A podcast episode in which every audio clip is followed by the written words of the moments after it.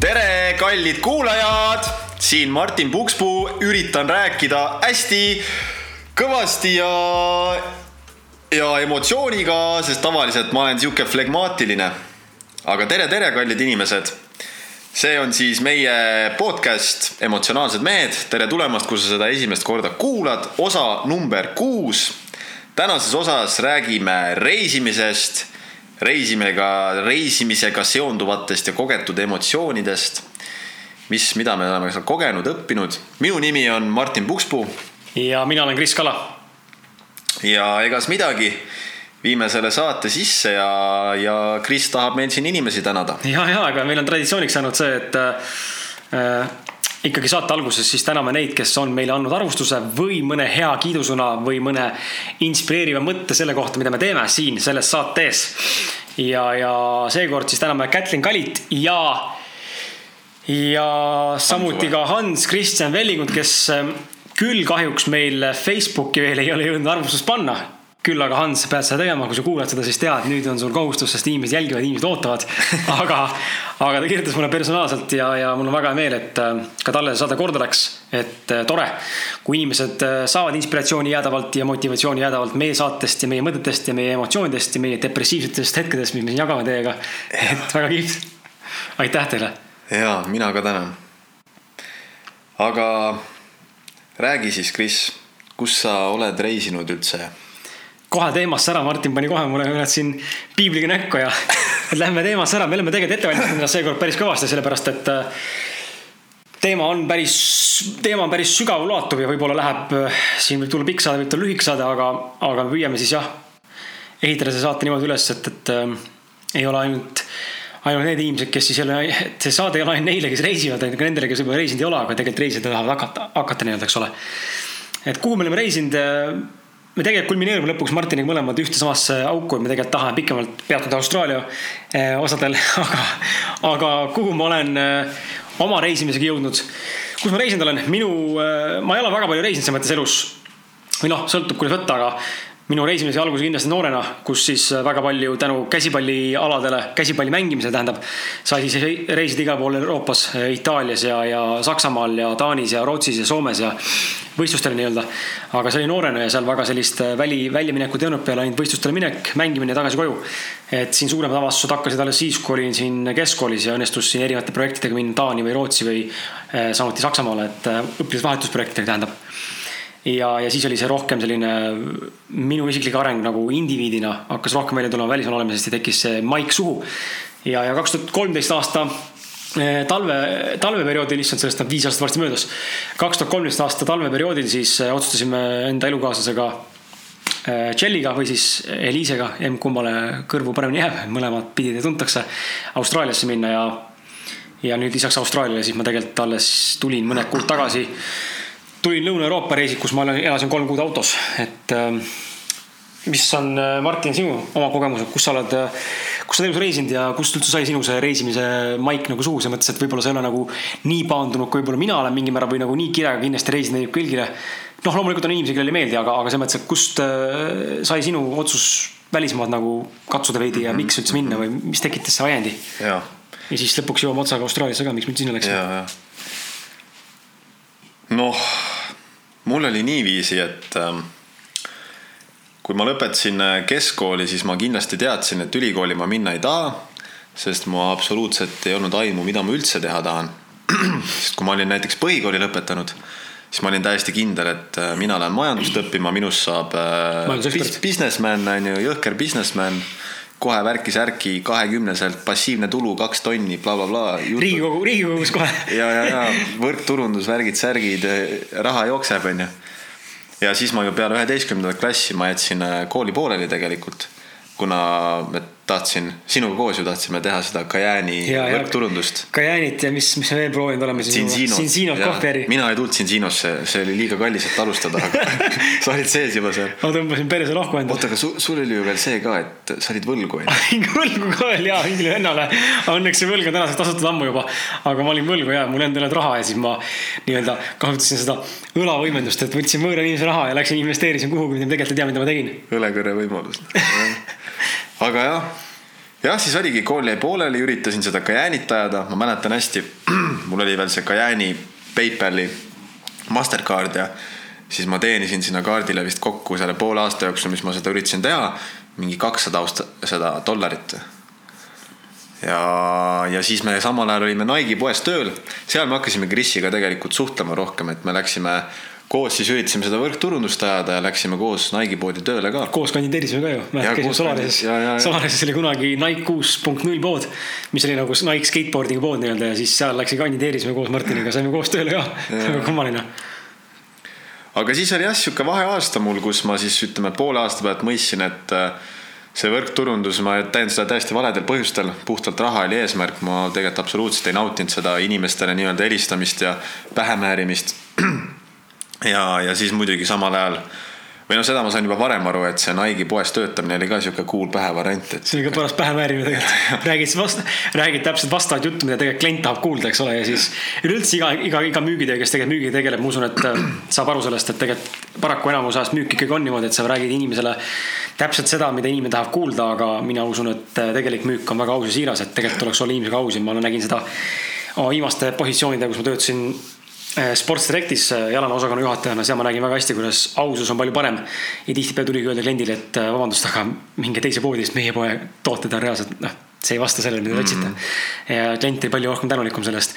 võrkturundus muide, ma tahan nii palju rääkida, et nagu mainides, sa korraks mainisid nagu pähemäärimist, et kui, kui keegi on varem võrguga kokku puutunud, siis selles mõttes mina isiklikult nüüd täna, tänase, tänase pilguga vaadates seda asja ütlen niimoodi, et võrk iseenesest ei ole halb, aga sulle peab see tõesti meeldima. et äh, ma ei ütle, et see on halb asi, loomulikult on olemas äh, ebaseaduslikke ja võib-olla mitte kõige eetilisemaid äh, viise, kuidas seal raha teenida, aga üleüldises kontseptsioonis võrkturundus kui suhtlusturundus, mingi toote müümine, teenuse müümine ja, ja inimeste, inimestega kontakteerumine, see kogu see, see tegelikult noh, meie jaoks võib-olla on tõesti pähemäärimine, aga mõned inimesed reaalselt armastavad seda, see on nende eluviis. ja minu meelest see on ka väga-väga lahe ärimudel tegelikult. Sest inimeste põhiväide selle vastu on ju see, et "Ja, see on mingi püramiidskeem onju. no aga tegelikult võtta iga, igasugune ärimudel, kõik on ju püramiidskeem. kõik on ju selle tipp kuradi, teenib alati kõige rohkem ju. mis on see Maslowi, Maslowi püramiidi jaa. põhipõhine, kõik on tegelikult kõik. ei, ei, Maslowi püramiid on vajaduste püramiid. aga ikkagi ta ikkagi jääb püramiidis, mõttes tipp teenib kõige rohkem. Ja all on ikka see teenib mitte sittagi. sama võrgu puhul, et Ja, tipp ja, teenib kõige rohkem nii-öelda piltlikult öeldes. et selles mõttes see on nagu jah, loll jutt, kui inimesed räägivad, et püramiidskeem, igasugune äritegevus on püramiidskeem, et ma ei tea ühtegi firmat, kus äh, mingisugune väike juht äh, teeniks äh, rohkem või sama palju kui, kui näiteks äh, firma omanik, aga aga võrkturunduses äh, tegelikult on täiesti võimalik selline asi, et nii-öelda sinu mingi all olev inimene teenib sinust rohkem ja, aga jah, ma arvan ka, et lihtsalt tootesse peab tõesti uskuma, tõesti peab äh, olema toote fänn ja, ja peab nagu väga, väga nautima lihtsalt seda üleüldiselt sihukest inimeste, inimestega suhtlemist ja mm -hmm. nende nii-öelda aitamist igal tasandil. aga edasi, igal juhul jah, siis oligi aasta otsa ma olin ära seal Nike'i poes ja sain aru, et okei okay,, et keskkool tuleks ikkagist ära lõpetada. Aga selleks ajaks mu maailmavaade oli nii palju muutunud sest et selleks ajaks mul need majandusmõtted olid kadunud.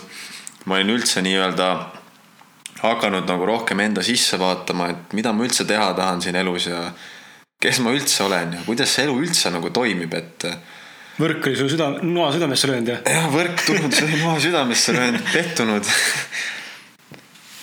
ja siis hakkas, läksin kooli tagasi, läksin kaheteistkümnendasse klassi ja siis hakkas nagu vaikselt see mõte idanema, et minna, minna reisima. ja kindlasti oli seal suur mõjutus ka minu heal sõbral Olegil, kes oli juba, juba siis Austraalias ja rääkis sealt ainult häid lugusid, et, et mõnus ja ja, ja, ja eks ma jah, sealt see mõte saigi alguse, et minna, reisida, näha maailma, õppida ennast paremini tundma. noor inimene, milleks mul on kiire ülikooli. Ja eks nüüd tagantjärgi vaadates ma saan aru, et kindlasti suur põhjus oli tegelikult ka see, et ma olin lihtsalt väsinud isa juures elamisest. ma olin väsinud sellest isaga kaklemisest, ma olin väsinud äh, sellest isaga rahateemadel vaidlemise üle. tõenäoliselt ma nagu, ma lihtsalt tajusin ära, et kui ma läheksin ülikooli, siis ma peaksin põhimõtteliselt käima ülikoolis ja samal ajal teenima ka täielikult ise elatist. Sest ma mõistsin, et elada seal temaga ühe katuse all, äh, üritada temalt mingit rahalist toetust saada, et see on lihtsalt äh, noh, ma ei saa niimoodi mm, -hmm. ma ei saa seda teha rahuliku südamega. sest sellist ei ole võimalik ja eks ma, suur põhjus oli kindlasti ka see, et ma tahtsin lihtsalt saada kodust eemale ja, ja nii-öelda iseseisvaks. naljakas on see, et sa mainid seda, sest et tegelikult nii oota, nii huvitav on see, et me oleme Martiniga saadet tegemas, me oleme tegelikult noh, kuulajad, ma ei tea, kui teist on nüüd aru saanud selle viie osa jooksul, kes me oleme, mida me teeme, aga me oleme tegelikult Martiniga väga sarnased inimesed. ja, ja vanusevahe on ka üsna märkimisväärselt väike tegelikult, et ka minul oli see probleem, ma olin päris pikalt elanud kodus uuesti. ma olin uuesti sellepärast, et mu isa tegelikult viskas välja mind, kui ma olin, eh, kui ma jätsin kaheteistkümnenda klassi pooleli, siis olin visati kodunt välja, sest et ma olin siis. kuna ma julgesin kooli pooli jätta, siis isa arvas, et on õige otsus ka minna siis iseseisva elu juurde minna tööle onju ja edasi, et, et visati otsad välja ja elasin seal, kus noh, enam-vähem juhtus, aga.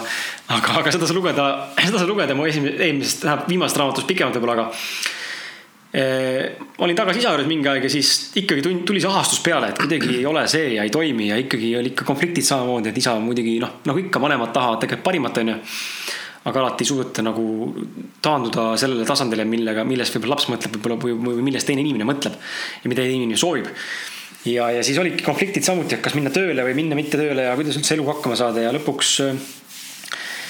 lõpuks nagu juhtus see, et mul oli ka kopp ees ja tahtsin välismaad kogeda ja tahtsin nagu ennast avastada ja kõik nagu käisid kuskil ja tegid midagi ja ma olin nagu kuidagi kinni jäänud ja. ja siis samal ajal mul tegelikult arenes välja ka suhe hakkas arenema välja Elisega tegelikult kuidagi niimoodi õnnestus, et noh, tema pidi just tulema Tallinnasse tööle ja mul oli vaja korterit saada siis, nagu välja kolida juurest, sest ta oli nii kaugele läinud jälle, pidin põhimõtteliselt välja viskama mind jälle ja siis kolisime kokku pärast nädal aega, nädal aega koos olemist kolisime kokku põhimõtteliselt ja, ja elasime Pelgulinnas mingi paar kuud vist jõudsime elada. oota, nädal aega olite olnud koos ja kolisite kokku? me olime, olime kaks kuud vist olnud suht-, kaks nädalat olnud vist äh, suhtes reaalselt ja siis kolisime, panime leivad ühte kappi. sest et pidime tegema seda. ja, ja, ja kuidagi tundus õige, õige mõte olevat, et mõlemad riskisime ja mäletan, et tema alguses maksis isegi korteri, korteri sissemaksu vist enda rahadega, sest mul ei olnud reaalselt raha, noh, ma olin täis parm, noh. üldse imestan, et ta mind tahtis sellise mehena. aga, aga ega armastus finantsnumbrid ei küsi ja nii ta vist on, et ja siis oligi, et äh, mõned kuud jõudsime koos olla siin Tallinnas äh, Pelgulinnas elades. ja, ja siis avanes meile juhuslikult äh, ühel ilusal suvel võimalus või noh, mõte, millest ma tegelikult olin kinni võtnud pool aastat tagasi ühe teise tütarlapsega, keda ma tutvusin neti kaudu, trip.ee lehekülje kaudu. et koos Austraaliasse minna, käis mõte läbi peast. aga, aga mulle tegelikult seda kontseptsiooni nagu täielikult süvistas mu enda ühe hea sõbra tütarlaps. Kes ütles, et kuule, lähme Austraaliasse, mis te arvate, sügisel ja, ja see mõte kuidagi haakus ja mõtlesime, et ai, et lähme, mis me ikka venitame, et noh, davai. et olime paar kuud ainult koos olnud Eliisega ja mõtlesime, lähme Austraaliasse ja siis juhuslikult ei mäleta, kuidas me sellega edasi tegutsesime, aga mingi hetk ma sain aru, et sattusin Martiniga rääkima vist neti kaudu kuidagi, polnud ammu näinud ka ja midagi kuulnud ja selgus, et ta läheb ka Austraaliasse. ja siis me kokku seal sinuga Solarises ja vestlesime ja siis nagu käis see klõks ära, et täitsa haige värk, et ongi nii, et uskumatu, et noh, pole ammu aastaid näinud ja nüüd mõlemad läheb põhimõtteliselt ja, suht, suht nagu sarnase ajastuga. sa läksid vist kuu aega varem äkki või mingi kolm nädalat varem vist. ja oli jah. et läksid Austraaliasse, me tulime kohe järgi, et noh. ja, ja ideaalne on ja, ja meil oli tegelikult valida, et noh, elu ongi, vaata ma kogu aeg rõhutan siin saates ka ja pidevalt enda. iga pool, kus ma sõna võtan, et elu on valikute küsimus ja, ja tegelikult oli jube hästi näha too hetk, kuidas. noh, algselt kokku lepitud plaan minna selle teise paariga siis äh, Perti suurlinna ei erutanud mind ja Eliisat nii palju, kui minna Keynesi või Keynes või Cairns, Cairns, Cairns, äh, sinna troopilisse, troopilisse linnakesse, kuhu läks Martin tegelikult sinna oma sõbra Olegi juurde.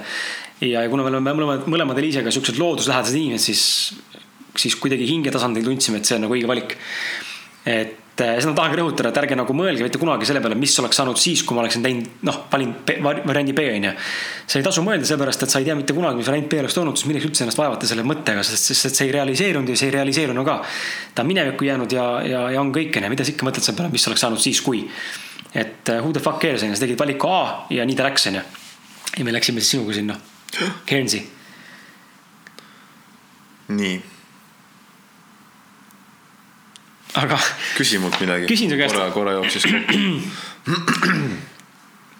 küsime siis niimoodi, vaata Austraalia on nii aktuaalne teema tegelikult siiamaani veel, mulle tundub, et noh, see koht, kus ma praegu elan, seal Paide ja Türi vahel siis üks väike vald, et seal isegi inimesed nüüd nagu nii-öelda see info hakkab vaikselt järgi jõudma, et ka maa, noh. et nüüd hakkab alles nagu maapiirkondadesse jõudma. et maa, jaa, et maa, just, et maapiirkonna inimesed, mitte halvaga, vaid maapiirkonna inimesed hakkavad nüüd Aussidesse, Aussi rändama räigelt ja seal on räigelt inimesed läheb Aussi. Ja, ja naljakas on nagu vaadata, kuidas nagu see info jõuab veits nagu hiljem mingi tsüklitena nagu kellegi juurde tagasi. ja eks noh, eks see on selge, et see on nii aktuaalne ja niivõrd populaarne teema üldse reisimine, nagu see on nii ajatu teema, et noh, iga generatsioon, kes tuleb järgi, seda nagunii katsetab, eks ole, onju.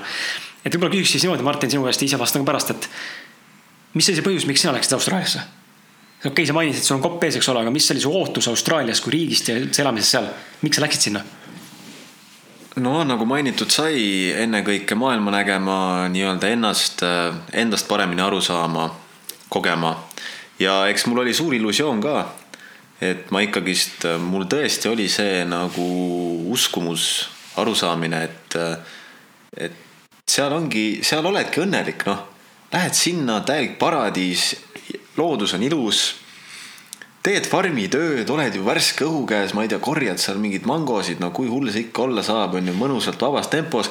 austraallased kõik on ju super sõbralikud, äh, super toredad, äh, toetavad inimesed, austraallased niikuinii võtavad kõik hästi lebot, on ju et noh, lähed seal mõnusalt chill'id, on ju, siis kiidetakse ka takka, et kuule, hea tempoga teed tööd, on ju. saad nagu head raha ka äh, võib-olla täna vaadates see raha enam ei tundu nii suur, aga tol ajal see, kui sa teenid nädalas mingi kaheksasada Austraalia dollarit, mis siis on mingi, mis ta on, mingi kuussada eurot. kuussada euri vist jah. tundus nagu väga suur raha tol ajal. tegelikult on no, no praegu tegelikult siiamaani kaks tuhat nelisada euri kuus. selles mõttes, et, et siis ta nagu, siis nagu Eestis ei mõelnud selle peale, et võiks Eestis sihukest summat teenida, onju.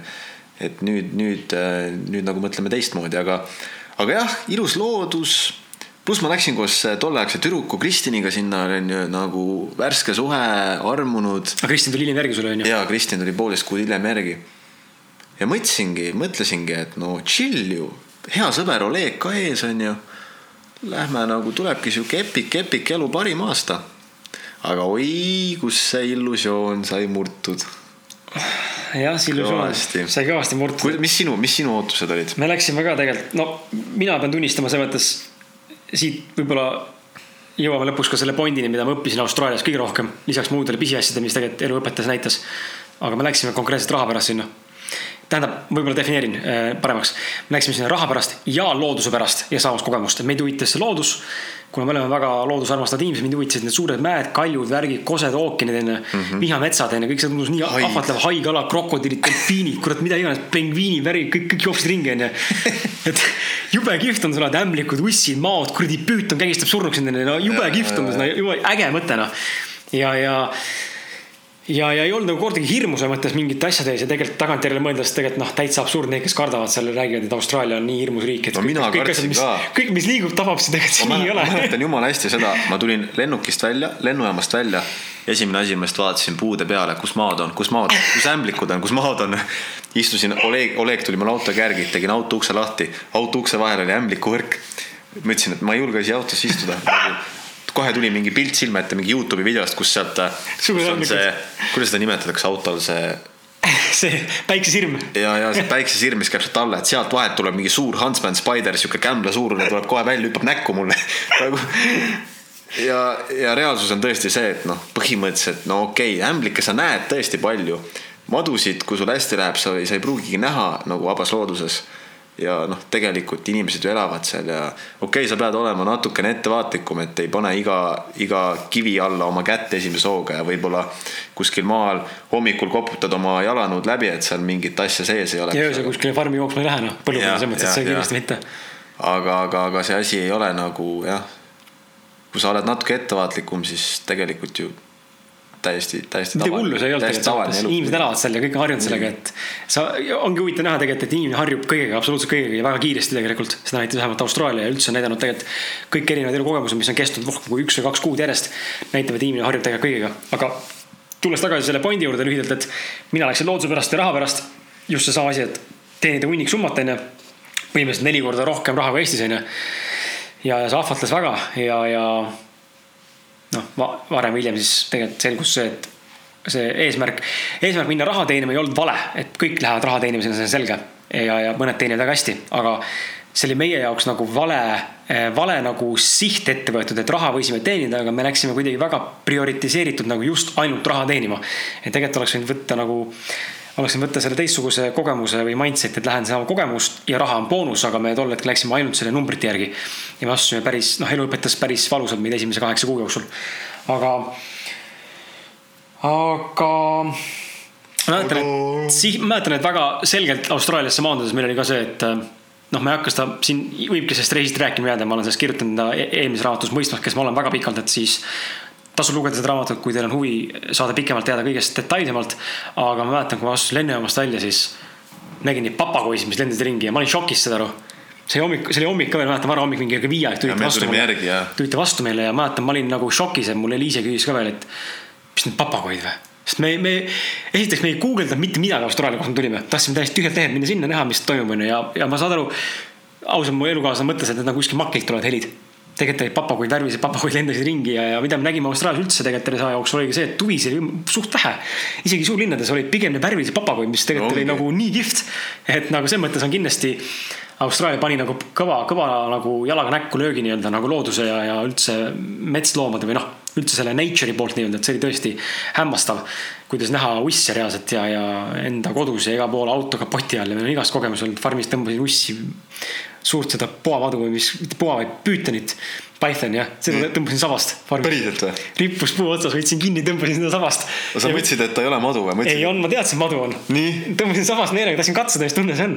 et hoida seda sabast kinni tõmmata. aga sa ei karda niimoodi madusid? ei karda ja mul, saad aru, maojõud käib niimoodi üle, ma läksin kaasa no see ongi absurdne, ma Jõhker nüüd, nüüd just äh, see nädalavahetus ma olin Tartus äh, sõbral äh, Leifil külas ja tal on koduloomaks on väike madu. Ja ma olen täiega madus kartud ja siis natuke siis ületasin oma hirmu, et ikkagist korraks julgesin selle mao kätte võtta ja no see on uskumatu. see madu on sul niimoodi käe ümber, onju. ja tal on nii tugevad lihased, ta mm -hmm. nagu mässib end sulle niimoodi nii-öelda ümber, et ta, et ta nagu alla ei kukuks, onju ja väga nagu, väga huvitav, ma, ma, ma ei osanud ka ette kujutada, et aga no muidugi, kui nad neid kägistavad oma neid saake mm, -hmm. peabki olema metsik, metsik, metsik jõud seal. Aga. räägime äkki enda sellest kõige huvitavast kogemusest, mis me esimene sinuga kahekesi kogesime päris mõnusalt tegelikult, et või noh, kõik mehed, et kõik, kes töötasid, kogenesid, meie esimene farm oli. tähendab enne farmi, tähendab enne farmi tuli ka väga kogemus Vihnametsas seal tahad rääkida, kelle juures me olime äkki või? jaa, me olime, Oleg siis oli tutvunud äh, sellise mehega nagu Russell, äh, kes siis elab seal Guernsey'st äh, lõuna suunas siis mingi.... Papinda oli vist koha nimi. Papinda on jah, selle väikse küla nimi. et elab sealt Guernsey'st lõuna suunas mingi, mis ta oli, üle saja kilomeetri mm. -hmm. ja Russell on sihuke mees, kes hariduselt siis psühholoog kuulab mingit siukest äh, trance'i Cosmic trance. ja nagu psychedelic trance ja ta on mingi kuuskümmend peaks olema vist vanust või midagi sellist. ja elab vihmametsas, tal on siis siukene ei saa öelda maja selle kohta, see, see, see on rohkem näeb välja nagu sihuke kuut, millel on mingi aknad ja õhk käib läbi ja. kuidagi hästi avatud oli kõik. ja, ja, ja, ja noh, siukene no ikka sihuke täitsa loodusega ühes, et. samas, aga ta oli ikkagi nagu selles mõttes risküliku maja nagu kujuga, selles mõttes, aga ta ei olnud maja nagu selles mõttes. katus pea kohal kõik, aga õhk käis läbi, akendel nagu otseselt aknaid ees ei olnud. Ja noh, mingisugusest sanitaarsusest või puhtusest ei olnud ka juttu, et tegid külmkappi lahti, siis mingi verised koerakondid vedelesid seal ja. prossakad jooksid ja, ja, ja, ja, ja, ja tema elab jah, sihukest hästi looduslähedast elu seal. ja Oleg oli temaga tutvunud ja Oleg elaski tema juures seal telkis, tal oli seal hästi palju maad. mis ta rääkis, kolmkümmend hektarit või? jõhker ala oli, ma mäletan. ma ei mäleta, aga korralikult ja. Ja Oleg siis telkis, seal oli väikse kämbi omale sinna tema nii-öelda hoovi püsti pannud ja. ja ma kõigepealt siis mina nii-öelda maandusin Austraaliasse, läksin ka kohe sinna. ja siis, kui teie tulite. siis me pidime tegelikult minema sinna sinna ehm, farmi on ju. mis see kuradi väike linn oli seal? aa, see, mis oli seal edasi, Inni, Innisfail. Innisfail ja Innisfaili banaanifarmi pidi minema. aga sinna kohale minnes, äh, noh, see oli täis, samamoodi täis tähendab Russelli koht oli veel pellikum, aga see, see õhkkond, mis oli selles kohas, kus me pidime ööbima. Backpackerid, nii-öelda backpackerite hostelid. ja hostelid jah, backpack shack'id, mis iganes, et nendega on sihuke asi, et kui keegi peaks Austraalias minema, siis juba võite eos ette arvata, et saad aru, seal elavad koos. seal nagu mõnes farmis on selles mõttes, farmides on väga paljudes kohtades nagu nii-öelda elamiskohad või lepingud ja koostööd mingite elamiskohtadega, mis on backpackerid väga odavad, eks ole, sul on seal narivoodid. kusjuures ei ole odavad. ei, ei, tegelikult ei ole odavad, just, aga alguses tundus, et on okei hind ja mis ta oli seal mingi kaheksakümmend euri või mis ta pakuti meile seal kolmkümmend, kolmkümmend või nelikümmend euri päris kallis ei mäleta see koht seal. päris kallis jah. et ja siis ongi, et seal on nagu hunnik inimesi korraga tööl, kes lähevad nagu selle nii-öelda mingisse farmi tööle sealtsamast, eks ole, käib nagu ühine buss sihuke kollektiivne kommuunielu nii-öelda. et Austraalias kommuunielu on täiesti normaalne, et see hakkab igapäevaseks muutuma seal, kui elad seal, kui sa just noh, lõpuks saad välja sellest, see on selge. kui hakkab paremini, aga alguses arvestada, et seal on kõva kommuunielu, elatakse üksteise otsas lihtsalt. Ja, ja ma mäletan, et me ei tahtnud Liisega jääda sinna, sest et see oli niivõrd tülgastav ja siis õnneks äh, Oleg oli nõus nagu rääkima. või Martin tähendab helistas Russellile ja oli nõus nagu vestlema seal Russeliga ja Russell ei nõudnud mind võtma, siis mõneks ajaks enda juurde veel. me olimegi vist nädal aega olime seal siis kõik neljakesi seal Russeli juures. natuke rohkem vist. minu meelest oli nädal. nädal-poolteist, no mitte rohkem okay. selles mõttes. aga seal oli jah huvitav, et mina, noh, mina jõudsin seal Russeli juures olla siis, äh, kas oli kolm nädalat või?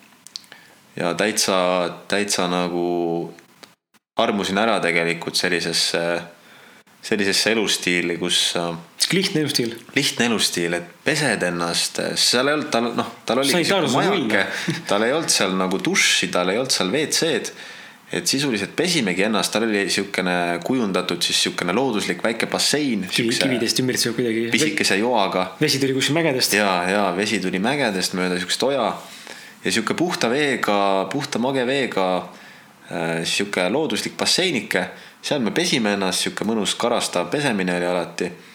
ja noh, number kahel käisime, siis oli selline süsteem, et äh, see oja ju nii-öelda oja siis seal kaugemas osas, äh, kus on sihuke, oletame kümme, kümme sentimeetrit vett ja siis kükitad sinna ossi kükki maha ja teed oma number kahe ära ja kohe veega puhtaks ja alguses tundus nii veider, aga ausalt öeldes mulle hakkas nii meeldima. hakkas haigelt meeldima nii puhas tegelikult. täiega puhas. ja, ja sellises asendis tegelikult eh, siukse ossi kük kükis nii-öelda sittudes on see, see, see on jumala loomulik inimesele. see on väga loomulik. see on, eh, kuidagi seal see CD see on loomulik, loomulik nurga, nurk on see inimesele. ühesõnaga jah, see on nagu kõige puhtamalt, kõige otsemini tuleb kõik su seest välja. see, mis me praegu siin tavapottidel teeme, see on vale, sest et tegelikult me surume kinni mingi asja vist. ongi ja sellepärast need äh, Aasias on ka need siuksed, äh, kuidas neid nimetatakse. augud põrandas nii-öelda. augud on ju, sest see on tegelikult loomulik asend inimesele, kuidas number kahte teha.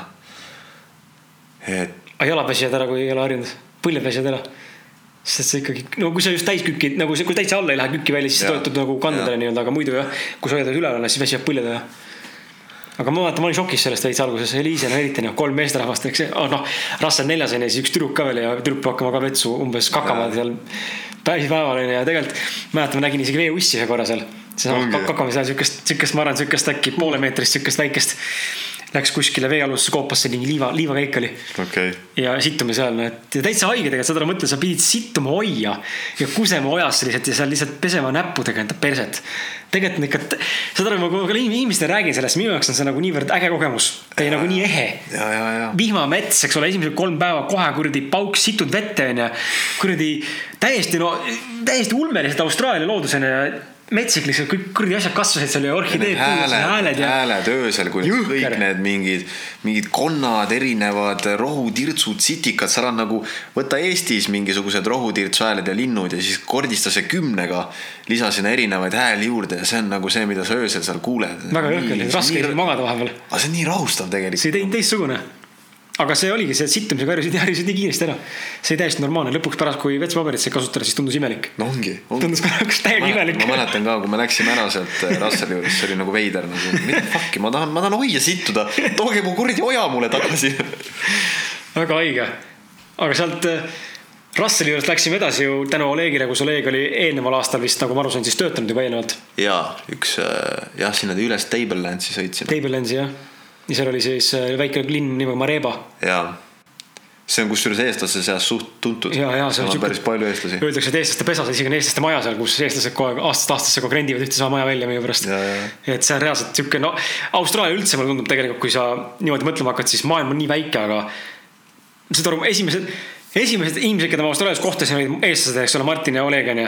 ja esimene farm, kuhu ma jõudsin, seal lõpuks oli mingi kümme eestlast minu meelest isegi mingi viisteist või? sitaks eestlast. lihtsalt. oligi vist mingi kuusteist eestlast, neli Itaaliast.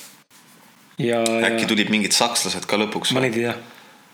aga jaa, nagu ulme. jõhker lihtsalt, sa lähed äh, Austraaliasse rääkima lootusega inglise keelt, aga räägid kuradi ikka eesti keelt. Põhimõtteliselt oleks võinud kodus minna ka kuradi Valgamaale kuskile farmi tööle, oleks võinud edasi samamoodi siin töötada. aga selles mõttes jaa, et äh, saime sinna Marebasse minna ja, ja see oli sihuke üldse sihuke nagu, sihuke mul tuleb iga kord meelde sihuke GTA San Andreas, sihuke kahe, kahe kitsa tänava siukse maakolgas sihuke, kus lihtsalt oligi üks tänav, kahe pool on siuksed väiksed nagu siuksed vanad vesterni stiilis siuksed majad, eks ole Ja, ja, ja,. üks ja kõrval lihtsalt ja, ja põhimõtteliselt ongi selle ümber on siis mingid asulad ja linnad ja farmid onju. esimene farm, kus me olime, oligi, tegeles mangode, avokaadodega ja, ja litšidega ei olnud või? avokaadosid ei olnud. mangod ja laitšid jah, aa okei okay,, ma mõtlesin avokaadod olid ka, avokaadosid ei olnud jah. mangod litšid ainult. litsid, litsid, litsid jah, litšid jah, kes, laitši. laitši on inglise keeles, litš on eesti keeles jah, ei räägi litsiga segama, ei olnud litsifarm. Need lai-, litšid, ma, ma, ma olen nii harjunud ütlema laitšid. laitšid, ütle laitšid siis, laitšid minu meelest ülimaitsvad asjad. väga maitsvad jah. Eestis ma olen ostnud, pole olnud see, aga seal otse farmis korjad sööd, ta on nagu, kes ei tea, ta on siukene, tal on siuke kõva koor ümber, aga välimuselt ta on nagu maasikas. Aga kujuta ette, et see maasik on kõva koor peal ja siis sa koorid selle koore sealt ära ja seal all on nagu viinamarja maitsega. aga niisugune valkes, sihuke nagu, ma ei taha halvustada, aga siukest spermavärvi. spermavärvi jah. spermavärvi mari, millel on must seeme sees, aga hästi maitsev on. ja ta meenutab mingeid asju, mida ma vanasti saanud kunagi väiksena. või mul on äkki mingi kommi mingi vene ajast või kuskilt. mingi viinamarja maasika segu mingi siuke. ta oli päris, päris maitsev asi oli, hästi kallis oli ka. täiega ja, ja mega kallis. kilo hind oli äkki mingi kolmkümmend Austraalia daala või, või ma ei mäleta, väga palju noh, ja siis seal nagu saime nagu tööd õnneks joppas niimoodi, et mäletan esimene, esimesed paar nädalat oli vist niimoodi ka, kuna seal oli paar, kaks itaallast oli ees, üks Riki ja, mitu kuud. ah, mitu kuud, Riki, see Riki ja Riki ja Luka. Luka ja Riki ja Luka Ja, ja. olid ees seal juba siis põhimõtteliselt meile öeldi ka, et ega noh, tööd on nii palju jagub, eks ole, peab kuidagi ära jagama omavahel. sest hooaeg ei olnud alanud veel. jah, hooaeg polnud alanud ja, ja ma mäletan, et see vend, kes seal supervisor oli, siis eesti keeles võib-olla järelvaataja või tööde, tööde ülemvaataja või mis iganes, ma kasutan sõna supervisor, sest see nagu on arusaadavam. ei olnud nagu on farmi manager, omanik ja siis on nagu supervisor, kes nagu tööde juhataja nii-öelda jah, mis iganes teeb seal. see oli siuke rasta, siuke ehe konkreetne, siuke kuradi. Ma mõtlesin, et tuleb kallale, see mulle ikka midagi ütleb. see ausõna, see inimene on nagu reaalselt karakter kuskilt filmist. täitsa perses. see on nagu tõesti, mul oli ikka tükk aega karp lahti, et Sihuke nagu nagu- päriselt on siuke inimene siuke nagu olemas. Johnny Depp, vaata, siuke täpselt Johnny Deppi rastad, eks ole, siuke sitane oleks, siuke räpane, mustunud, tuhmunud, siuke käre äär ära joonud, siuke suitsetatud hääl. aga pane nagu veel võimenduse juurde, nägi siuke rõve, siuke tätoveeritud, siuke ebaviisakas, ülbe, siuke munn välja lihtsalt. no ja mida varem, mida hiljem, mida rohkem aega edasi läks, me tegelikult nägime ka, milline see vend tegelikult oli. Tal oli, tal oli, lõpuks ma mõistsin nagu, tal olid perioodid tegelikult. tal oli, tal oli tegelikult hea süda sees, aga ta noh, põhimõtteliselt äh, see vend äh, mm, keetis omale ise siis midagi amfetamiinilaadset jah, köögis. mitte meie nähes, aga nagu Ja, ja, ja. enda kodus. ja ta tegi seda päris tihti, tihti tuligi tööle, oli ilmselt öösel ei olnud maganud, tuli täiesti seal selle speed'i paugu all nii-öelda tööle. ta noh, kanepit kuulsin, oli seal kasvatanud omale. selle, sellega oli seal vist vahele jäänud vahepeal ja ühesõnaga vangis istunud ja no,. menti, menti oli jalga tulistanud. ja, ja, ja vähemalt nii ta rääkis, no ei tea muidugi, palju sellest tõsi oli, aga. ja noh, esihambaid tal ees ei olnud, need ilmselt juba sellest narko tegemisest juba kadunud. ja sihuke käheda häälega ja sihuke jutt oli kõvem kui ta ise ja selline noh, hästi selline vend, kes ei mõtle ja lihtsalt teeb asju. hästi emotsioonipõhiselt ja, paugutab. ja, ja, ja aga huvitav on mõelda see, et tegelikult mul tol hetkel seal temaga elades oli tegelikult natuke hirm isegi. nagu sihuke, nagu ma ikka ei kartnud otseselt, aga ikkagi oli sihuke tunne nagu, et noh, ta tuli karjus, eks ole, tekkis korraks sihuke tunne, et ma pean sihuke alandlik olema, et nagu Jah. jumala eest kinga ei saaks, neid raha ei olnud eriti ka, noh, meil eriti me tulime kaheksa euroga kahekesi, noh. Teie kindlasti ärge kaheksa euroga Austraaliasse minge, kui lähete, et see on absurd. aga, aga ja oligi no ja me saime iga asja sõimata seal, et nagu eesti keelt rääkida ei tohtinud, eks ole, onju. isegi, mitte isegi, vaata, see oli nagu farm ja farm English motherfuckers. jah, et farm on ju ja farmil ehitanud nii-öelda nagu mingisugune sihuke elamiskoht, eks ole, seal oli kolm majakest, kus ühes elas tema, siis elas, seal oli poiste maja ja siis oli tüdrukute maja koos paarikeste majaga. Ja seal sees olid toad. ja siis oligi, et noh, isegi seal ümbruses see väliköök oli selline avatud köök nii-öelda ja sa ei tohtinud nagu isegi eesti keeles väljaspool tööd rääkida, kui ta kuulis, siis ta nagu Martin ütles, ta karjus kogu aeg English motherfuckers onju, ehk nagu rääkige inglise keelt onju. ja, ja kõik mehed olid motherfucker'id ja naised olid father bitches. Father bitches jah. Father bitches ja motherfuckers ja niimoodi me saime igapäevaselt aru ja, ja lihtsalt noh, esimene töö, mille me saime, ma mäletan, oli ka, loopisime heina ju, heina neid kuradi kuubikuid, käed olid kuradi marraski verised pärast mm, -hmm. sest et see oli, kraapis puruks selle ja mingid kuradi lutikad jooksid üle selle, kuradi paras haige töö oli. Tõmbasime neid kuradi umbrohtu sealt välja, seda vihkasin, ma tegin seda pärast äh, Gold Coast'i juures ka umbrohu tõmbamist vahepeal, see oli türa, andke andeks ropendada, aga see on ikka täitsa perses töö, siukene, sa pead kaheksa-üheksa tundi päevas tõmbama. käed suust ära. kaheksa-üheksa tundi päevas tõmbama nagu välja umbrohtu maast niimoodi, et noh sitaks jääb närvi lihtsalt, väärides tööl, et päike kütab, sa lihtsalt tõmbad seda täitsa perses kaigel. mina vist ei pidanud tegema seda, mul on siuke tunne. sa tegid, sa, tegid? koos Kristini, minu ja Liisiga neljakesi tegime okay.. sul oli see, sul oli see kaabu veel peas, ma mäletan. okei okay., mul ei tule ette see töö millegipärast. väikeste mangopuud ümber pidime tõmbama ah,. Ah, nüüd, okei okay,, midagi tuleb meelde küll. aga. väärides töö risk. ja see oli ka, ma mäletan jumala hästi, esimene päev, kui me siis reaalselt äh, äkki neid laitšisid hakkasime korjama või. täiesti uus töö kunagi pole teinud, süsteemid pole selged. kohe sõimama, kohe hakkad, kohe hakkas sõimama vanamehed umbes, et. teed nii valesti, ära korja nii. valesti, ära tee nii, ära tee naa. üritad nagu mingit common sense inimesega luua, et nagu palun, palun õpeta, selgita mulle, palun õpeta, ma ei saa aru. teed nii, nagu ta ütleb, tuleb, ütleb, et ikka valesti. ja lõpuks hakkasidki aru saama, et asi ei olnud selles, et ta läks valesti, vaid vana lihtsalt mölises kogu aeg. ja ja, ja kogu aeg oli sihuke tunne, et kohe saad kinga, kohe saad kinga. jõhker pinge jõhker pinge peal, mul oli täpselt sama asi. ma olin mingi tuhande euroga tulnud sinna Austraaliasse ja, ja kui me sinna farmi jõudsime, mul oli raha sisuliselt otsakorral. Ja kuna tööd ei olnud seal farmis veel nii palju, siis me tiksusimegi mingi palgapäevast palgapäevani, onju ja, ja jõhker pinge oli peal, et nagu, et nagu me peame siin farmis selle raha kokku teenima selleks, et auto osta edasi. ära minna sealt ja muidu kinni jääd sinna lihtsalt täitsa haige oli no., rõve pinge oli, mäletan, marju ei tohtinud korjata vales värvis ja. ja, ja noh, tegelikult on loogiline, selles mõttes vili pole valmis, siis see nagu kahju ettevõttele, aga, aga see, et seal ei olnud nagu selgitustööd ja lihtsalt karjuti ja röögiti ja valesti tegid, said lihtsalt sõimata lihtsalt lihtsalt süüdimatult ropendati inglise keeles su kohta ja, ja, ja, ja. hädapätakas sitavares ja kuradi saamatu vend ja mis mees sa oled ja no. saad aru, niimoodi pidid taluma seda sihukest vaimset nagu vaimset sihukest nagu traumeerimist ja ma praegu mõtlen, et kuradi tugev ikka olime, me pidime, suutsime vastu pidada niimoodi, et nutma ei hakanud ausalt. mõni nõrgem oleks seal ilmselt nööri kaela pannud, ma arvan, seal litšipuude juures. see oli reaalselt vastik. päevast päeva kepiti ajusid, nii et vähe ei olnud. ja tempo oli peal, ma mäletan. jõhker tempo oli. sa tegid ka seda tööd või, kus äh, traktor sõitis kindlasti. jaa, ja siis tõmbasite kuradi võrku. võrku tõmbama enda peale ja ei tohtinud tempost maha jääda, lihtsalt biitsepsid on verd täis, tirid, tirid, tirid, tirid. see karjub veel sealt kuradi traktori pealt, kiiremini, kiiremini, kiiremini. see oli nii haige tee, et see oli, see oli nagu puudele võrgu ümberpanek ja pärast puude võrgu, võrgu pealt äravõtmine. ja sa pidid selle, üks oli nagu, oli nagu traktor, eks ole, traktori sees, ees oli sihuke, nende käppade peal oli sihuke suur papis kast, kuhu mahtus inimene sisse, see oli kapp, see pappkast oli mulle reaalselt, mul on mingi õlani või kaelani, päris sügav oli ja siis tema, see vend sõitis traktoriga, eks ole, onju. see kangas läks kuidagi läbi traktorite mingite nagu nööride kuskil traktori pealt ja tuli nagu teisele poole traktorit siis sulle kätte ja siis seal traktori ees pidi üks inimene, kes kogu aeg kõndis ja kogu aeg tõmbas niimoodi noh. kujuta ette, köievedu, sa kogu aeg tõmbad köit. ja siis oligi, et see oli raske. see oli sitaks raske, sa pidid kuradi läbi vettinud üldse, see oli mega suur mingi kalavõrk lihtsalt noh. lõputu, saad aru, sadades meetrites on ju need vahed. seal vahed puude vahel nagu farmis olid ju sadades meetrites läksid järjest, seal oli sadu puid järjest ja niimoodi mitukümmend rida.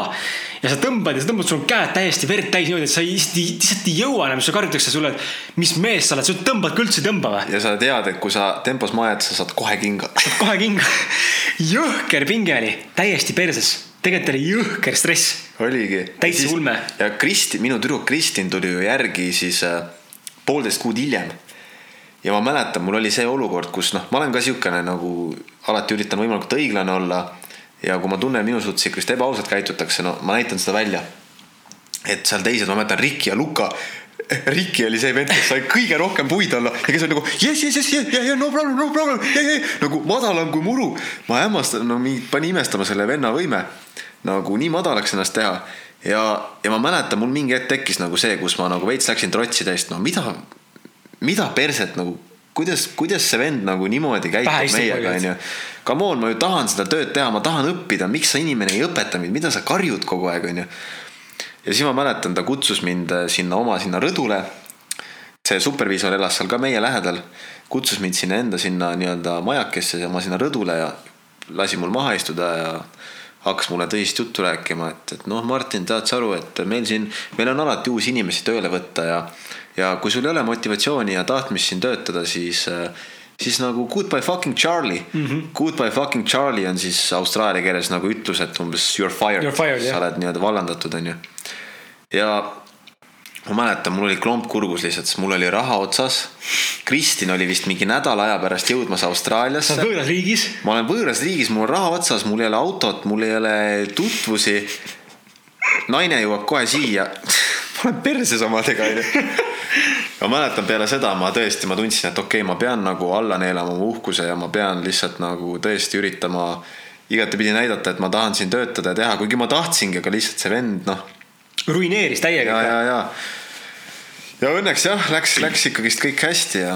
no ja siis umbes paar nädalat hiljem äh, oli mul sama situatsioon, sest et ma olin lihtsalt ühe päeva teinud natuke ebamotiveerivamalt, panin seal mangopuude. no sul sai ka, sul sai ka kopa ette. mul siis kopa ette mingi, et ma tundsin, mul sai see karikas täis ja ma ei suutnud enam taluda seda ja siis oligi, et mulle kutsuti ka verandale ja öeldi, et sorry, aga kuule, et nägemist et paki oma asjad ja tõmba nahhu, et ma ei tea, mis sa teed, aga tõmba nahhu, ma ei soovi sind enam siia ja mäletan, mul nagu tuli ka korras klomp kurku, et Eliisi hakkas muidugi nutma kohe.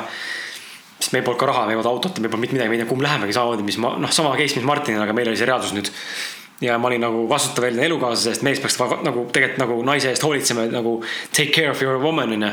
aga ma lihtsalt sain kinga ja me olime Austraalias ja no kõik oli perses lihtsalt. ja, ja. ja mina, mina olin ka veel täielik tropp sellel ajal, et noh, mul oli endal oligi, mul oli Kristjaniga tekkinud ka meeletud pinged seal selle farmi, noh, tõenäoliselt farmitöö tõttu ja, ja, ja kõik muud asjad ja, ja, ja noh, kõik see kokku ja siis veel sina said kinga, mäletan, sa tahtsid, et ma natukene laenaks sulle raha ja, ja sel hetkel juba oli raha, onju. olime juba tükk aega töötanud ja mina olin lihtsalt nii halb sõber, et ma, ma ei aidanud. või kas äkki oli see, et ma ühe korra aitasin ja siis hiljem. Äh, ei mäleta üldse. kui sa veel palusid abi, siis ma nagu, ma lihtsalt ei aidanud mingi põhimõtte pärast no,, nii haige on tagasi mõelda, kuidas ma nii käituda sain. ma ei mäleta jah, ma tean, et aga see situatsioon tuli jah mingi hetk, meil oli päris raske jah, et Martinil vist läks nagu, läks nagu selles mõttes ongi Austraalia huvitav mõelda, et üldse Austraalia nagu selles mõttes iga inimese jaoks nii individuaalne ja huvitav kogemus, et noh, nagu, nagu üleüldse elus on see, et neid stsenaariumeid, kuidas oma elu luua igapäevaselt on tegelikult nii palju erinevaid. ma täna teen otsuse A variandi kasuks, homme teen otsuse variandi B kasuks on ju ja elu kulmineerub tänu sellele, mis sa valid. ja meil nagu oli kuidagi see, me sattusime mustrisse. ma ei ole siin saates, me ei ole siin saates varem nagu väga mustritest rääkinud, aga põgusalt tegelikult olen maininud ka seda, kuidas äh, elu on tegelikult niimoodi, et tulevad teatud mustrid tagasi, vaata, aga korduvad ennast ja kordavad tegelikult valusamalt ja valusamalt, valusamalt, et sa õpiksid ära selle õppetunni, mis sul tegelikult õppida on sellest kogemusest või sellest nagu situatsioonist. ja me sattusime sellesse, miks ma mainisin saate alguses ka, et me läksime raha teenima, aga valel eesmärgil.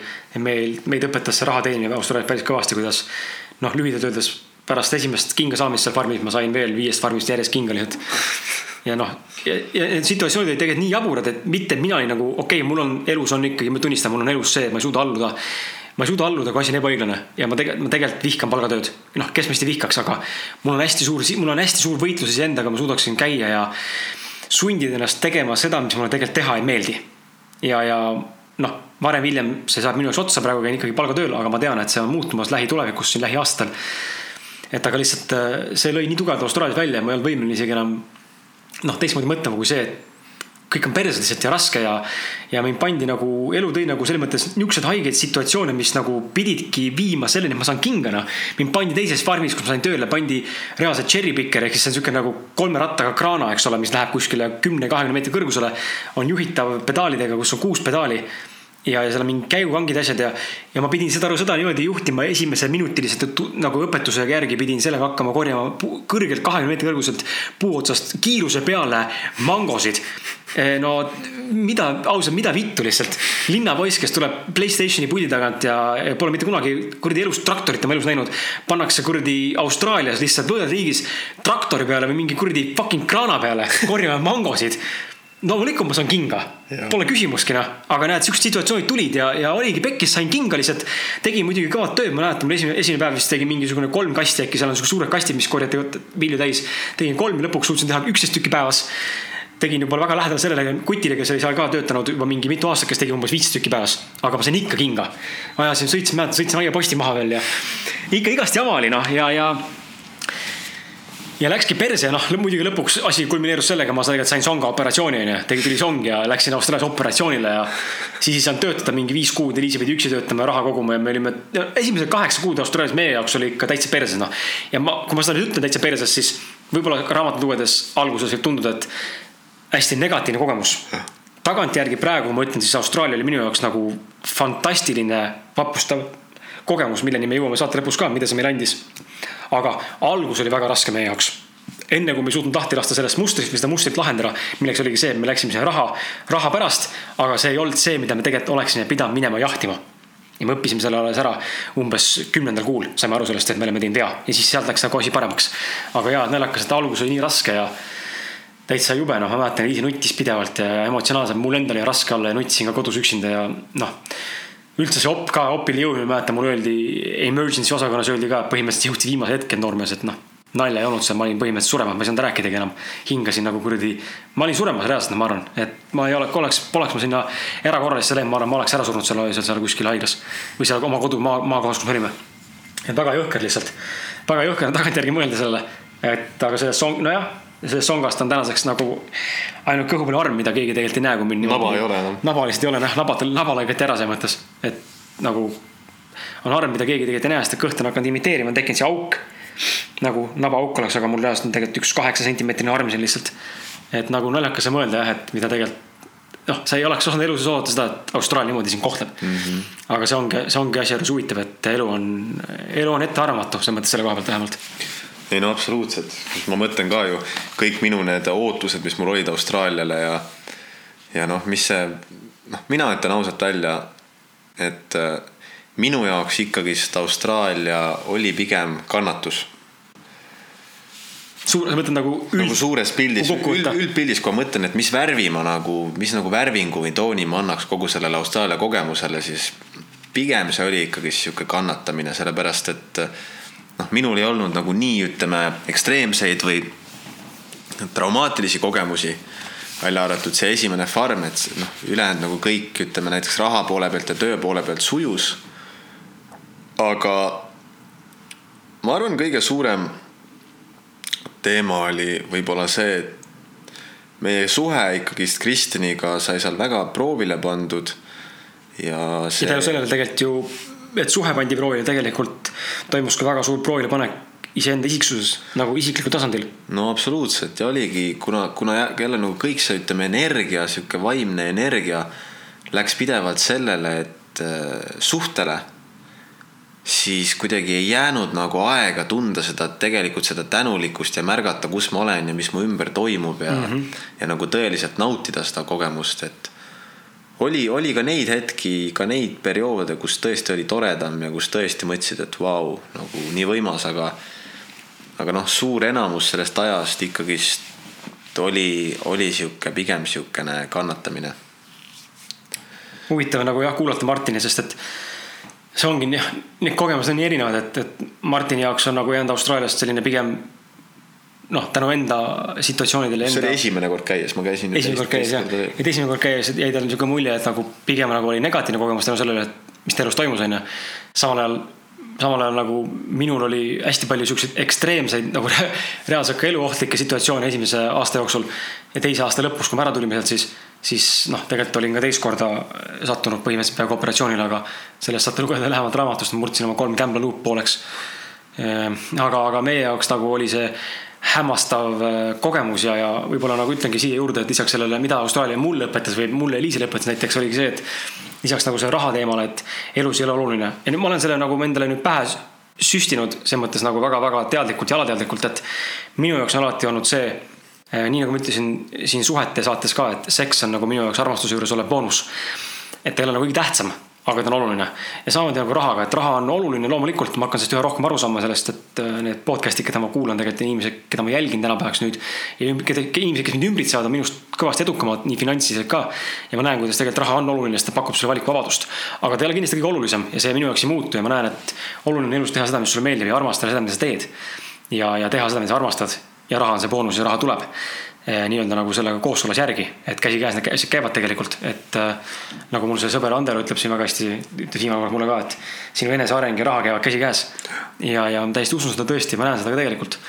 ja, ja kui nagu raha asi kõrvale jätta, et see õpetas meile seda, et me ei peaks tegutsema elus raha nimel. ja pärast seda läks kõik nagu paremaks, me teenisime lõpuks kokku, ma ei tea, me teeme üle riigi äkki. Eestisse lõpuks tulime, ma ei tea, äkki oli peaaegu, peaaegu üheksa, üheksakümmend tuhat eurot vist mis me teenisime lõpuks kokku, et ei ole küll palju, mõned teenivad seal reaalselt viiskümmend tonni ka onju. teevad rasket tööd, me, me olime, me tahtsime saada lihtsalt elu. tahtsime, me olime terve aeg täiesti farmis Liisega, need kaks aastat. ja, ja me tahtsime lihtsalt nautida elu, me olime farmis suhteliselt madala palga peal võrreldes Austraalia standarditega. ja, ja me tahtsime lihtsalt nautida, olla hetkes ja me saime kõike seda muud.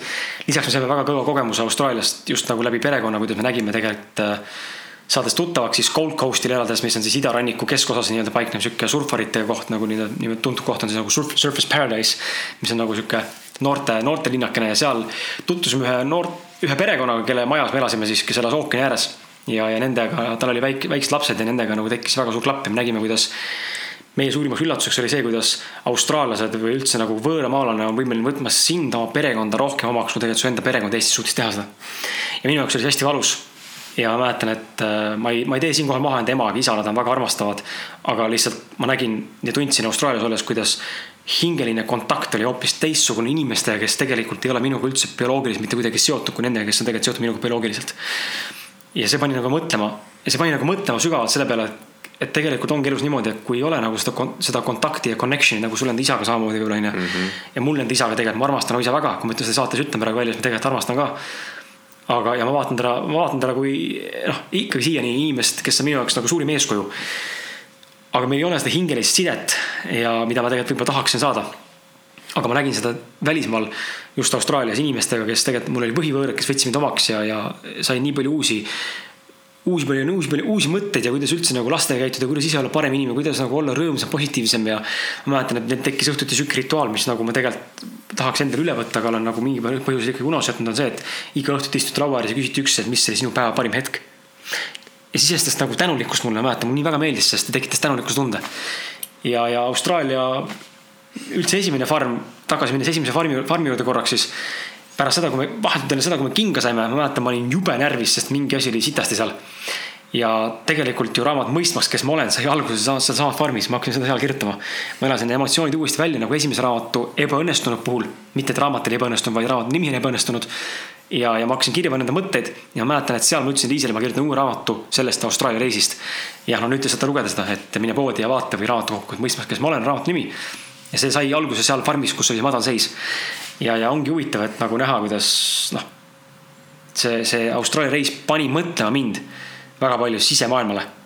ja, ja kui ma hüppan nüüd ajas edasi, võib-olla siin kolm kuud tagasi lõppenud reisile Lõuna-Euroopasse, siis ma näen sulaselgelt jälle, kuidas reisimine on nii palju mind inimesena muutunud ja me läksime elus, elukaaslasega e, nagu mitmeks kuuks, olime kolm kuud, elasime autos, ehitasime sinna endale voodi ja külmkapid, asjad sisse ja lauad ja ja põhimõtteliselt olidki ainult sina ja maailm ja sinu elukaaslane ja, ja kadus ära see, see muidu see argimured ja mingi muud asjad ja kogu see distraction, mis meil siin maailmas ringi, igal pool ligi on, eks ole, Instagramid ja sotsiaalmeediad, sõbrad ja tuttavad ja probleemid ja. see kadus kõik ära, olidki sina, maailm, päikesetõus, päikeseloojang, päevad kulgesid, sa tegid, olid rahus hetkes, andsid vabadust endale, andsid nagu aega alla, lihtsalt tühja panna nii-öelda.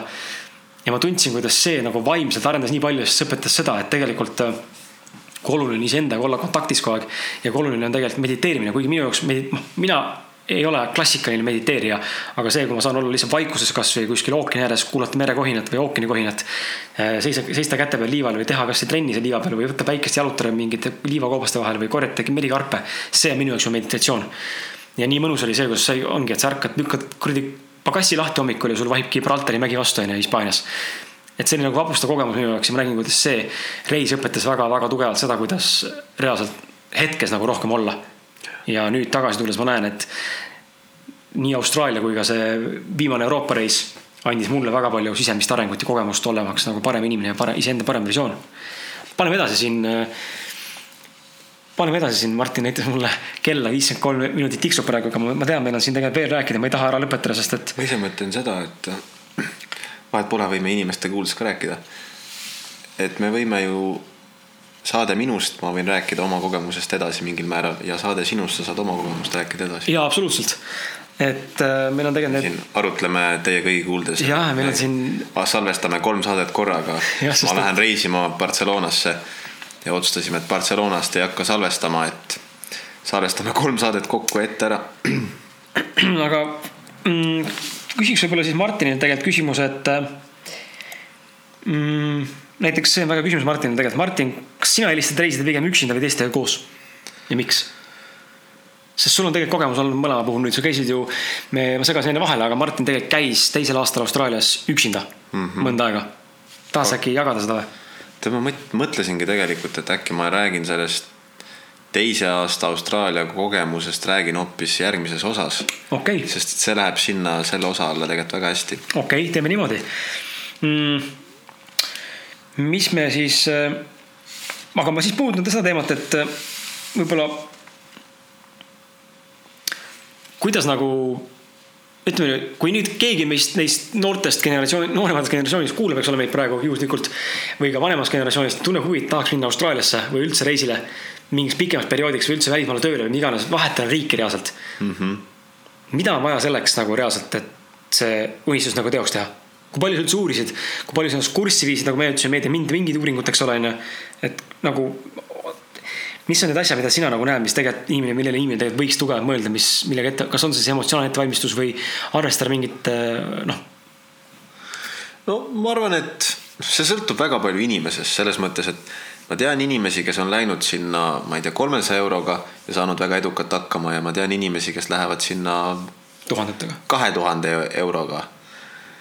et ma arvan, see sõltub väga palju inimesest ja sellisest, milline, milline inimene on, et kui inimene on selline, kes juba siin Eestis on harjunud nii-öelda olema sihukestes võib-olla väga riskantsetes olukordades, et äh, raha ei ole ja ikka läheb, teeb ja kellel alati nii-öelda nagu õnn naeratab ja kuskilt alati tulevad need võimalused. Siis ega sellisele inimesele ei soovitagi muud, kui mine hüppa pea ees vette ja ja, ja koge, vaata, mis elu, mis kogemust elu sulle pakub. aga ma arvan, enamike puhul põhiasi ikkagist on see, et oleks mingisugune rahaline tagavara, sellepärast et äh, sa ei tea, kui kiiresti sa saad seal tööle. ja noh, vaatame just kui Austraaliasse minna, siis, siis äh, auto on küll asi, mis nagu tuleb väga palju kasuks, eriti võib-olla linnas ei ole ta nii mm -hmm. oluline aga kuskil maapiirkonnas küll ilma autota on väga-väga raske hakkama saada. siis kujutage ette, teil on reaalselt farmide vahel on noh, distantsid võivad olla kuni sadades kilomeetrites. Jaa.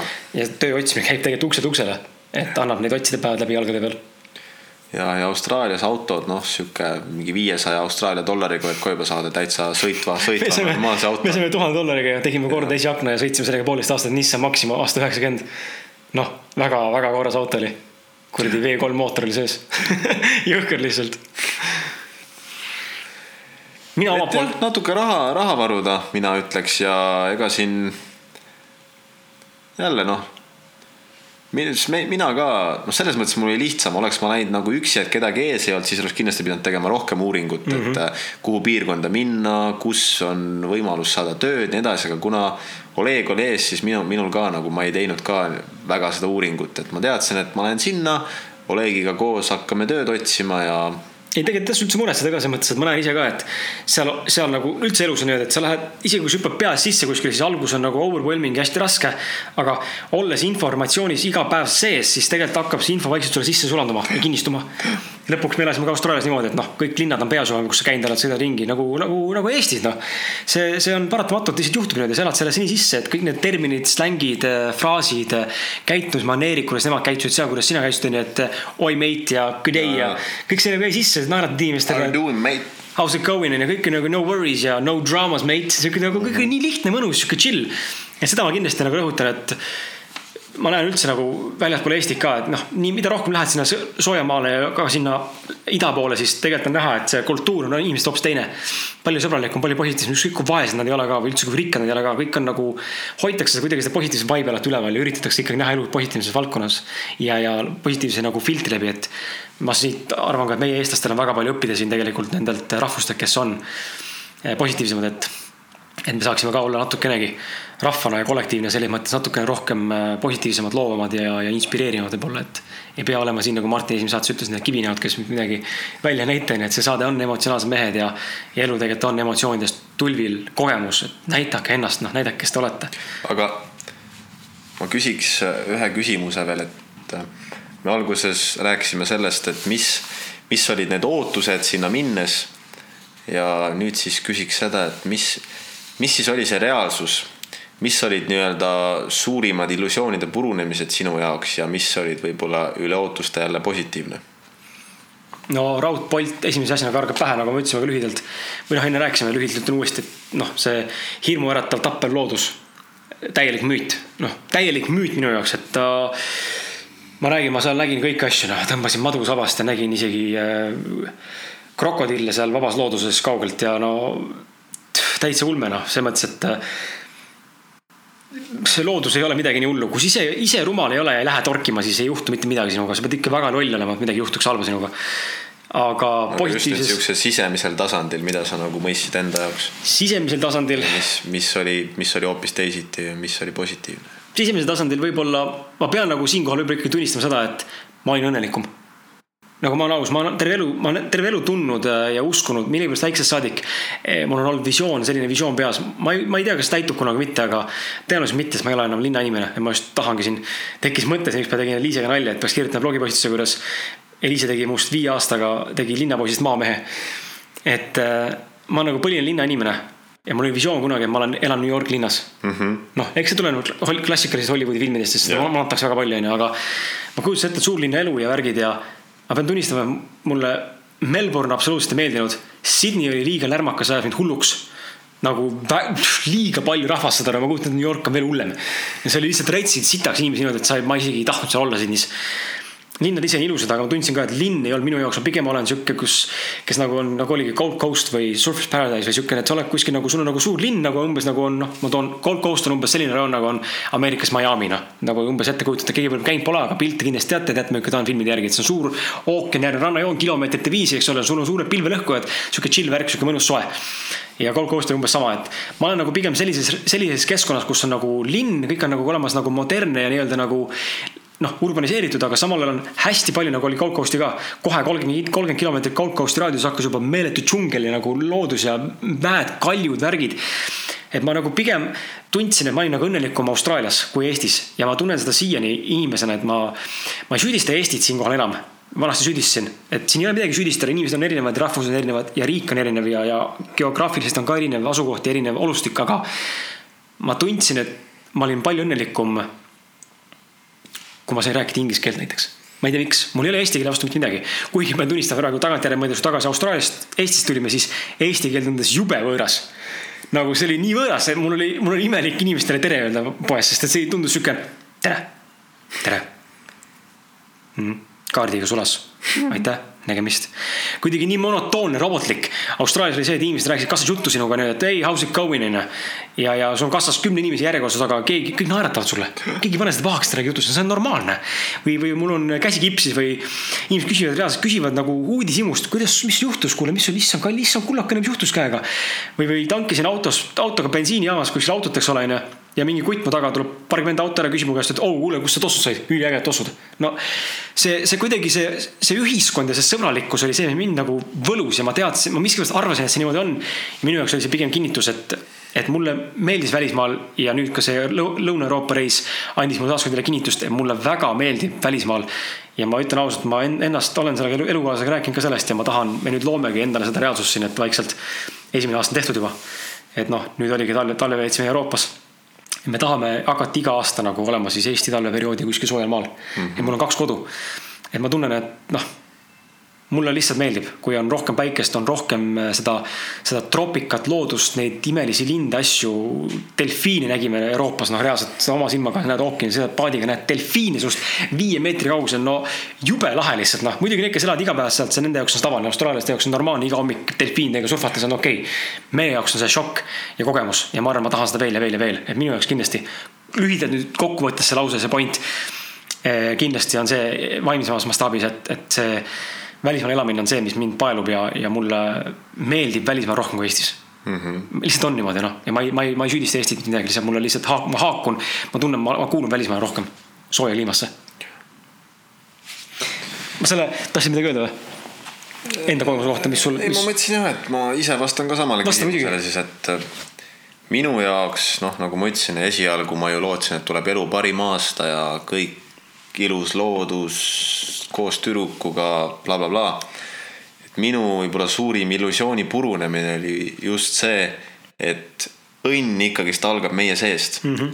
väliskeskkond võib olla ükskõik kui hea su ümber, aga kui sa sisimas ei ole millegagi rahul, siis ei tee see väliskeskkond ka õnnelikuks. no kui sisimas oled katki tegelikult, siis on ikkagi raske. see, see oli minu nii-öelda suurim, ma olin seda juba varem raamatust ju lugenud, seda tarkust, et nõnda nagu on sees, on ka väljas mm. -hmm. aga see reis, see aasta Austraalias andis mulle just selle nii-öelda kinnituse siis, et, et nii nagu on, on minu sees, niimoodi on ka, on ka väljas, et kui ma ei ole seespool rahul, siis ei tee see mõnus Austraalia mind ka õnnelikuks. aga positiivse külje pealt ikkagist ka see loodus ja see päike ja selline üleüldine sõbralikum vibe tõesti, mis seal oli, et see on noh, eks see ju nakkab külge, et kui kui poe, poes igal pool sulle naeratatakse vastu ja. ja kusjuures see ei olnud võlts, see ei tundunud üldse võlts. minu jaoks. kohati oli, aga tihtipeale, tihtipeale ei olnud, tihtipeale oli väga siiras ikkagist. Ja, ja kuidagi see kergus ja, et kuidagi raha tuli ju nii palju kergemalt. tihedamini tuli, kaks korda kuus tegelikult. tihedamini tuli raha, kergemalt tuli raha ja just, et nagu selline vahet pole, mis sa teed seal, sa igatepidi tegelikult elad nagu noh, oleneb, mis sul muidugi standardid on, aga kui sul on väga nii-öelda minimalistlik elustiil, siis nagu ükskõik, mida sa teed, sa võid seal elada niimoodi mõnusalt. noh, Eestis sa ei saa ükskõik mida tehes elada.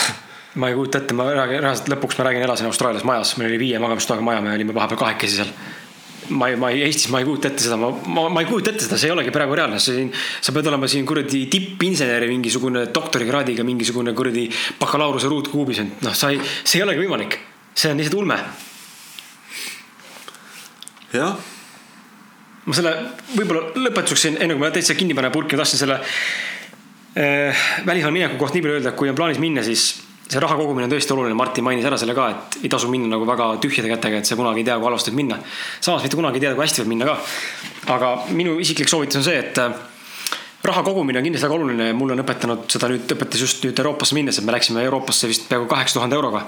Eestis kogusime selle kokku äkki aastaga põhimõtteliselt minu palgast panime kokku kõrvale ja, ja tundub ka suur summa, eks ole, aga reaalselt, reaalsus on see, et me tegelikult elasime päris alla arvestuse. et. Äh, palju, kaheksasada või? Ei, kaheksa tuhat. aa, Euroopasse, Euroopasse, Euroopasse, Euroopasse, Euroopasse, et äh, see suur summa nii-öelda kõik kokku kogutud sai, millest me seal kolm-neli kuud elasime.